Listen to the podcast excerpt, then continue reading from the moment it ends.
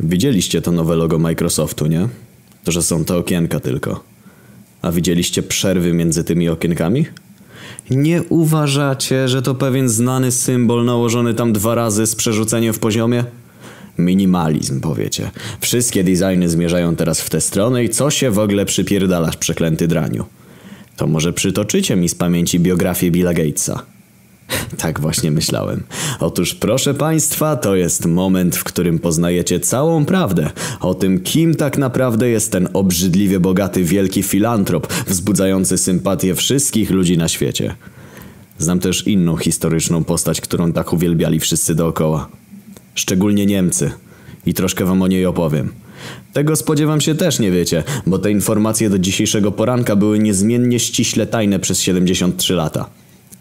Ale wkurwił mnie jego wnuczek, bo znowu coś odkarakanił w swojej obecnie rządzącej partii w Polsce, a żyje we Wrocławiu, dlatego do Polski niestety mam raptem parę kilometrów i czasem czuję jak śmierdzi. Więc to już prawie bezpośrednia ofensywa. Rok 1920 nie był dla względnie młodego jeszcze Adiego za fortunny. Jego ideały polityczne nie miały szans na ówczesnej scenie. Był samotny i zawalony pracą, przy czym pretensjonalny i obrażony na cały ten okrutny świat. Bardzo prawdopodobnym jest, że gdyby w tamtym czasie w Poznaniu był prąd, byłby regularnym użytkownikiem portalu wykop.pl. Bo o Michaile Białkowie też sobie niedługo parę rzeczy powiemy. Dałem mu czas na naprawienie tagów do końca tego roku. Powiedział mi, Dobre, zrobię, zobaczymy. ale to było w roku pańskim 2014, kiedy Klocuch jeszcze robił dobre komedie, więc dzień sądny zbliża się do niego z coraz to mocniejszym wkurwem z mojej strony. Wracając do Adusia, mimo że ten wykaraskał się z problemów finansowych dzięki spadkowi po ciotce, miał przed sobą do wykonania jeszcze pewną sprawę honoru. Jej ostatnią wolą było to, by jej poczciwy, uroczy, drobny Adolfik został prawdziwym mężczyzną i prawdziwym ojcem chrzestnym jej wnuka, jeśli nie, do, jeśli nie doczeka się owego za życia. I tak wierny ideałom, zwiewny chłopak na samą wieść o bratanku czy tam chuj wie czym, usadził żyć w pociągu i pojechał na wschód. Rodziny się nie wybiera, tym bardziej rodzinnej wioski pod Krakowem. Jakoś trzeba było to przeboleć. Adi próbował o niej zapomnieć. Gdy w wieku 10 lat wyemigrował z ojcem do Austrii, ten wpajał mu, że musi odciąć się od całego tego polactwa, bo właśnie rozpoczynają nowe życie z prawdziwymi perspektywami, wolne od skażenia syndromem śmiecia. Stąd nasz wiecznie malutki nabrał już nie tak małej awersji do fałszywych, złodziejskich, spierdolonych Polaków, co jest w sumie rozsądne. I krótko mówiąc, nie był w najlepszym humorze od momentu, gdy jego cuk zajechał do skromnej stacji umiejscowionej przy miasteczku Wadowiec. Potem buziaczki, powitanka, no jak tam w tych Niemcach, wiadomo. Gdybyście wyobrazili sobie taki stereotypowy zjazd rodzinny, to dokładnie tak wyglądał chrzcielny spętu państwa Hytlak. A społeczny chłopak przez całe spotkanie trzymał się bezpiecznie z boku. Jednak przez wzgląd na powagę sytuacji, w końcu to jemu przyszło być tym słynnym chrzestnym, nie mógł pozostawać też zupełnie nieobecny. Ku jego niepocieszeniu przez swoją emigrację pozostawał w centrum uwagi nieznanych sobie wcześniej ciotek i kuzynek. Pewien traf zadecydował też, że w rodzinie tej od niepamiętnych czasów w przeważającej części rodziły się kobiety. Ten kontrast jedynie potęgował lokalny fenomen Adolfa i zainteresowanie natury kazirodczej samych rzeczonych worków na spermę. Młodzieniec od początku spotkania nie był w stanie pozbyć się z siebie nader uporczywego wzroku jednego z nich. Kuzyneczka Kojtyłówna. Tylko tego brakowało. Zawstydzony, zapatrzony w nią przez całe swoje dzieciństwo. Dzisiaj widzi ją samą na zjeździe rodzinnym, o ile piękniejszą, kiedy jest dojrzała. Zwinnie unikał jej przez większość czasu, jednak ta, jak karczma Rzymna Twardowskiego, zaczaiła się nań w ślepej uliczce. W domu wymienili sobie tylko cześć, cześć, jednak to, co wydarzyło się w kościółku, to już zupełnie inna sprawa. Generalizując, okazało się, że Adi w oczach swej krewnej również bynajmniej nie utracił na urodzie. Dała temu zresztą bardzo rzeczowy wyraz, zostawszy z nim na, obec- na osobności w zachrystii. Ciotka w grobie to musiała się naprężać na to, jak jej Aduś osiąga w końcu męskość. Jednak za sprawą jego dość głupiej fantazji doszło do jeszcze mniej przewidzianego wypadku. Adolf to był generalnie śmieszek. Zawsze marzył o tym, żeby łamiąc aksjo odwalić coś spektakularnie nietypowego. W tamtej chwili tak rozochocony uznał, że zupełnie nie wystarcza mu sam fakt, iż zbija damkę w domu bożym. Kątem oka, gdy był na finiszu, dostrzegł czarę ze święconą wodą. Chyba nie chcesz? Rozpoczęła niewinna kuzyneczka, widząc go pochylonego nad zbiornikiem. Ale było już za późno. Kilka ostatnich frykcyjnych ruchów w stronę naczynia i oto znajdujemy się w miejscu, gdzie cały problem się rozpoczął. Jeszcze nic by się nie stało, gdyby debil po prostu spuścił się do chrzcielnicy. Albo dałoby się to wyłowić, albo jakoś sprytnie rozmieszać i palić głupa, że za sprawą cudów w tej czarze zmaterializowały się wody płodne Matki Boskiej. By sobie cuda powkręcali, może by coś i gwadowicom gospodarkę poprawili i by generalnie było wszystko fajnie. W rzeczywistości jednak skończyło się trochę inaczej. Do teraz niezauważona, niebezpieczna trzydziestoletnia stuleja Adolfa w końcu wypełzła na światło dzienne. W momencie szczytu jego penis bardzo boleśnie się zdefoliował, a nasienie, które wystrzeliło po niespotykanie długiej nieaktywności, wyróżniało się jaskrawo złotą barwą i przegryzającym, strasznie nieprzyjemnym zapachem. Mieszanka wieloletniej mastki, zmutowanej spermy oraz krwi spłynęła w całości do chrzcielnicy. Adolf padł na ziemię i przeraźliwie zawył z bólu. Kojtyłówna w szoku wciągnęła na ich ciała z powrotem ubrania tak szybko, jak było to możliwe, w obawie przed aferą stulecia, która wisiała w tym momencie na włosku. Zwabiony krzykiem kapłan natychmiast przybiegł na miejsce, bardzo zaniepokojony, że mogło komuś się stać jakieś nieszczęście. Gdy wbiegł do pomieszczenia, ujrzał ubranego już leżącego Adolfa, zwijającego się z bólu. Świadek wypadku zapewniła go, że ten się potknął. Adolf momentalnie to potwierdził i mimo przeszywającego bólu prącia podniósł się, aby zapewnić ojca, że jego wypadek jest zupełnie niegroźny. Proboszcz musiał łyknąć haczyk, bo bez słowa skinął głową i sięgnął po chrzcielnicę, po czym powiedział, że to czas rozpocząć ceremonię. Adolf utykając wyszedł ze swoją absztyfikantką w stronę głównej nawy świątyni. Nie było dobrze. Woda święcona podejrzanie śmierdziała, a gdyby spodnie Adolfa nie były czarne, miałyby w okolicach krocza alarmującą czerwoną plamę. Umierał z bólu, ale nie chciał umierać jeszcze bardziej z powodu zmasowanego wadowickiego wpierdolu, dlatego musiał to w miarę możliwości ukrywać. Prawdziwa akcja miała się dopiero rozpocząć i tak Adolf, jak i Kojtyłówna przeczuwali czarny scenariusz. Mały warolek został już wprowadzony przez rodziców i sakrament nieubłaganie się zbliżał. Ksiądz, wziąwszy go w dłonie, obwieścił, że wyczuwa w tym człowieku potęgę, wielką siłę, która może zmienić nasz świat. Było to istotnie niestandardowe, jednak całkowicie wytłumaczalne. W powietrzu bowiem coraz gęściej unosiły się opary grzesznej mikstury. Ksiądz, powiedzmy, że jeszcze o w miarę zdrowych zmysłach doznał przypływu adrenaliny pod ich wpływem. Gorzej było z Warolkiem, którego umoczył w kotle jak pierdolonego Obelixa. Wszystko odbywało się względnie poprawnie, dopóki nie wyjął z kotła ku zdziwieniu gromady wiernych dorosłego, muskularnego i całego żółtego Warola, który zaraz zaczął potem unosić się w powietrzu i naprężać się w blasku o kolorze kremówkowym w geście posiadania nadludzkiej siły. Następnie wziął zamach nogą i złożywszy się w pozycję rakiety, odrzucił eksplozją kapłana, przebijając ścianę kościoła, a sam rozbijając witraż, wyleciał wyleciał przez okno w stronę zachodzącego krwawo-czerwonego słońca.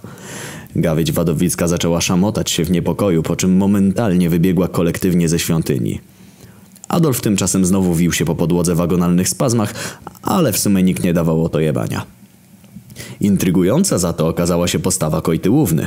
Wydawała się być jedyną osobą w tym całym regionalnym gronie. Do kościoła zleciało się bez mała spółwadowic, która pozostała przy trzeźwych zmysłach i zdała sobie sprawę z tego, że substancja, która wywołała całe zamieszanie, dalej tutaj jest. Niepilnowana i warta z pewnością bardzo wiele. Pierwsze co zrobiła to rozejrzała się, czy nikt nie przywiązuje do niej uwagi, a następnie wzięła ciężką czarę za uchwyty swoimi chudziutkimi rączkami. Tani drgnęła. 59 litrów antyświęconej wody w grubym metalowym garze o jakiejś jednej trzeciej tej masy okazało się być dla niej dosłownie zbyt ciężkim wyzwaniem. Bystra dziewczyna nie dała jednak za wygraną. Jak można było łatwo wyciągnąć wniosek po byłym już warolku, teraz bardziej warolu, podejrzana breweria zmienia właściwości ciała. Poświęciła więc delikatny urok swoich aksamitnych, drobnych dłoni, umaczając je w naczyniu. Kiedy wyciągnęła je, te zyskały chwilową autonomię i z racji tego, że Krysia bo tak naszej bohaterce właśnie na imię pełnoletnia na daną chwilę jeszcze nie była, powędrowały w okolice jej sfery rozrodczej. Szybko jednak powstrzymała dłonie o nieczystych zamiarach, poruszając w górę przed ramionami. Wróciło jej momentalnie czucie w dłoniach, na których palcach prężyły się muskuły. Jakby całe życie na przemian ekspiła, waliła konia i pisała na wykopie. A przypomnijmy, że wtedy w Poznaniu jeszcze nie było prądu. Czara przestała być jakąkolwiek przeszkodą. Uniosła ją siłą nadgarstków. Ostrożnie, by nie wylać nic po drodze, wyszła z kościoła drzwiami od spaczonej zakrystii i rozejrzała się po okolicy. Przed kościołem stała gromada ludzi, którzy patrzyli z niedowierzaniem w cud, który się przed nimi zadział. Warol w blasku kremówkowej mocy co chwilę kolejny raz przelatywał po niebie. Na prosty rozum to jest na tyle rozwinięty, żeby jednak nie przypuszczać teorii płaskiej Ziemi, tej Ziemi, można było stwierdzić, że Warol osiągnął pierwszą prędkość kosmiczną i zaczął orbitować wokół planety. Widok jak zakurwia okrąglutki papaj w niebie se żółciutki musiał być z pewnością zapierający dech w piersiach, więc pokusa zagapienia się w niebo okazała się silniejsza niż siła woli Krysi. Gromada z niecierpliwością oczekiwała następnego okresu obrotu komety Koitylej. Krysia stanęła odrobinę przed nimi z kotłem w nabrzmiałych dłoniach i spojrzała w niebo. Nic jednak nie dostrzegła w oddali, ponieważ to, czego szukała na nieboskłonie, zaszło ją nagle od boku. Warol podleciał niżej i porwał Krysię z ziemi w swoje szpony jak drapieżny ptak. Stało się to z taką szybkością, że unosząc ją w górę ochlapał jej twarz roztworem spermatoidalnym. Siła, z jaką wystrzelili w powietrze była tak potężna, że zmutowane ręce Krysi nie wytrzymały nacisku gara i ten wypadł jej z rąk gdzieś na granicy stratosfery. Mikstura spadła na tłum w postaci złotego, śmierdzącego deszczu. Tak jakby wszystkie zastępy aniołów naraz zaczęły szczać z nieba skrzyżowaniem ognia. Daje głowę, że ktoś tak to zinterpretował. Bez względu jednak na to, jak kto co zrozumiał, nagły prysznic nie oszczędził nikogo stojącego pod kościołem. Wszyscy zaczęli młodnieć i rosnąć muskularnie, przy czym czuć się fizycznie o wiele mocniejszymi niż moment wcześniej. Ktoś w tłumie krzyknął Dziękujmy Panu, bo zesłał nam siłę! W odpowiedzi na to podniosły się wiwaty i za jednym z nich wszyscy kolektywnie wbiegli do kościoła, bez trudu wyłamując z portalu drewniane drzwi. W tym samym czasie, kiedy dokonywała się reewolucja ciał Wadowiczan, Adi ocknął się po tym, jak zemdlał z bólu. Ostatnim, co pamiętał, było ruchanie, ry, uchy, ani i e, seks, chuj, cipa, cycki, dupa. Zafascynowany swoim nieprzewidzianym wygrywem w akcie euforii zakrzyknął Tak! Zaruchałem! Drzwi wyleciały z zawiasami. Jestem Bogiem! Dokończył. Wszyscy jako wbiegli, tak ostanęli w bezruchu. Ci rozentuzjazmowani otrzymaniem niebywałego daru nagle widzą przed sobą człowieka, który podał się za Boga, już tego przez duże B.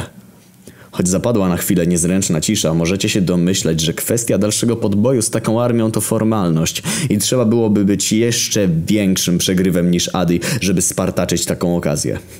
Zresztą składając taką deklarację w chwili wielce osobliwej, niespecjalnie ma się za dużo do gadania. Mówi się, że można się czuć jakby złapało się Boga za nogi. W tym przypadku Bóg wyłonił się z 30-letniej stulei. Musimy unicestwić Polaków. To śmierdzące kurwy, powiedział wzniośle Adolf do ludu Zambony. Otumaniony, lecz odznaczający się nieokiełznaną siłą tłum kolektywnie przytaknął. Oczywiście w deszczu, dopóki nie jest naprawdę solidny, dopóty nikt nie jest zlany nim w równym stopniu. Stąd indywiduum w zmasowanej sile stanowił niski Żydek, którego ktoś przesłonił płaszczem w trakcie chwilowego opanu i właściwie w ogóle nie otrzymał mocy płynącej z wywaru stulejowego. I dlatego to właśnie on był przebłyskiem moralności w tym bezrefleksyjnym bojowym stadzie. Nie można generalizować. Co by nie rzec o przypadłościach, Polacy są pięknym narodem. Ja protestuję. Adolf znał Żydka ze swojej nie do końca beztroskiej wadowickiej młodości. Kiedy miał pięć lat, został przez niego stereotypowo opierdolony na hajs za lizaki. Odpowiedź Adolfa była więc szybka. Żydów też. Dalsza historia to już sama nuda, o której przeczytacie w książkach od historii. To ja się nie będę produkował. Streszczę się do stwierdzenia, że właśnie w ten sposób powstała Trzecia Rzesza. I oni się tam rozwijali, odpowiednio pozmieniali sobie imiona i nazwiska, bo logicznym jest, że trzeba atakować Polskę skądś inąd niż z Polski, a najlepiej było zdobyć władzę w Niemczech, bo cywilizacja i w ogóle. No to tak zrobili. Tymczasem Warol rozjebał się z Krysią po paru miesiącach orbitowania o bazylikę w Watykanie. Powoli tracił na prędkości i sile, więc nie był w stanie już przebić jej grubej ściany. Wylądował na prosto na tronie nowo elektowanego papieża. Warto zaznaczyć, że w tym tronie siedział już papież. Ech, co tu dużo mówić, został zmasakrowany. O kurwa. Zabiłem papieża. To już chyba przesada, stwierdził błyskotliwy od samych narodzin Warol. Jego wzrok spotkał wzrok przerażonego biskupa. Dobra, dobra, ja to odkręcę. Przebierzcie mnie w jego szaty i dajcie mi jego imię. Narobiłem bałaganu, to i moją życiową misją jest go posprzątać. Zostanę papieżem i będę męczył się tak, jak on się męczył. Wiesz, no dobra, mm, to jest możliwe. Zaczął biskup. Mamy zapas jego szat, a skoro już się zgłaszasz, to zaraz skoczę po biały węgiel. Y, Jednak jest jeden zasadniczy problem, mordo. Ten login jest już zajęty. Kojtyła przewrócił oczami. No dobra, a jak on się nazywał? Jan Paweł I. To zmieńcie mi cyferkę. Nikt się nie połapie. I tak sobie funkcjonował Novus Summus Pontifex przez krótki okres. Ciężko papieżył jako papież, między posiłkami jebiąc Krysię. Ta jednak w końcu osiągnęła pełnoletność i przestała Kojtyle w ogóle pociągać. Na dodatek zaszła w ciążę, a więc nie mogła dalej pozostać w stolicy apostolskiej, bo ta nie mogła sobie pozwolić z własnego budżetu na uciszanie seksafery. Ciąża była w tak zaawansowanym stadium, że dodatkowy dyskomfort sprawiało papajowi to, że przy dymaniu obijał się chujem o główkę dziecka. Co jak co, ale pomysły musiałoby mieć bardzo chujowe. Dlatego to on pociągnął ją. Przez balkon. Jednak nie spodziewał się, że Krysia, również ochlapana wywarem stworzenia, nabrała odporności na upadki. Urodziła dziecko w pociągu, uciekając do Polski. Mimo, że głowa dziecka wyglądała jak jakiś bajgiel, jakimś cudem dana mu była reprodukcja. Była to dziewczynka, więc jakiś spermiarz zawsze się znajdzie. Następne pokolenie przyniosło im bliźniaki. Z okrągłymi głowami. Krysia zaraz po urodzeniu przepysznej przystawki wykonała test ciążowy. Okazało się, że Adolf zapłodnił ją pre. Dzięki niezwykłym właściwościom mikstury i zdrowym nawykom żywieniowym, m.in. jedzeniu sałatek o ściśle określonych godzinach bez żadnych, e, bez żadnych wyjątków, Krysia żyje do dziś. Dzięki swoim wnukom jest ustawiona w rządzie. Zmieniła tylko nazwisko z dawnej sympatii do Pawlacza. Pawulon też teoretycznie powinien być nieśmiertelny, ale tylko teoretycznie, bo Cenzo Papa to już dawno jest martwy mem, więc z aksjomatu możemy odrzucić jego żywotność. Ksiądz po długim locie na północ wylądował w Toruniu, gdzie za sprawą niezbyt zgrabnego lądowania rozbił menelskie lobby handlowania luksusowymi samochodami. Ponoć dobrze sobie radzi, założył jakieś radio, na którego antenie bajduży coś o cudach, do których wymyślania dał mu zdolność atomowy Pierd Warola Kojtyły, który przeniknął do jego krwi. A Hitler to wiadomo, upozorował samobójstwo, po czym po 10 latach ujawnił się ze zmienioną tożsamością w małym miasteczku Redmond w Stanach, w Stanach Zjednoczonych. No powiedzcie mi, że nie. Zobaczcie tylko jak na gate się idealnie leży wąsik.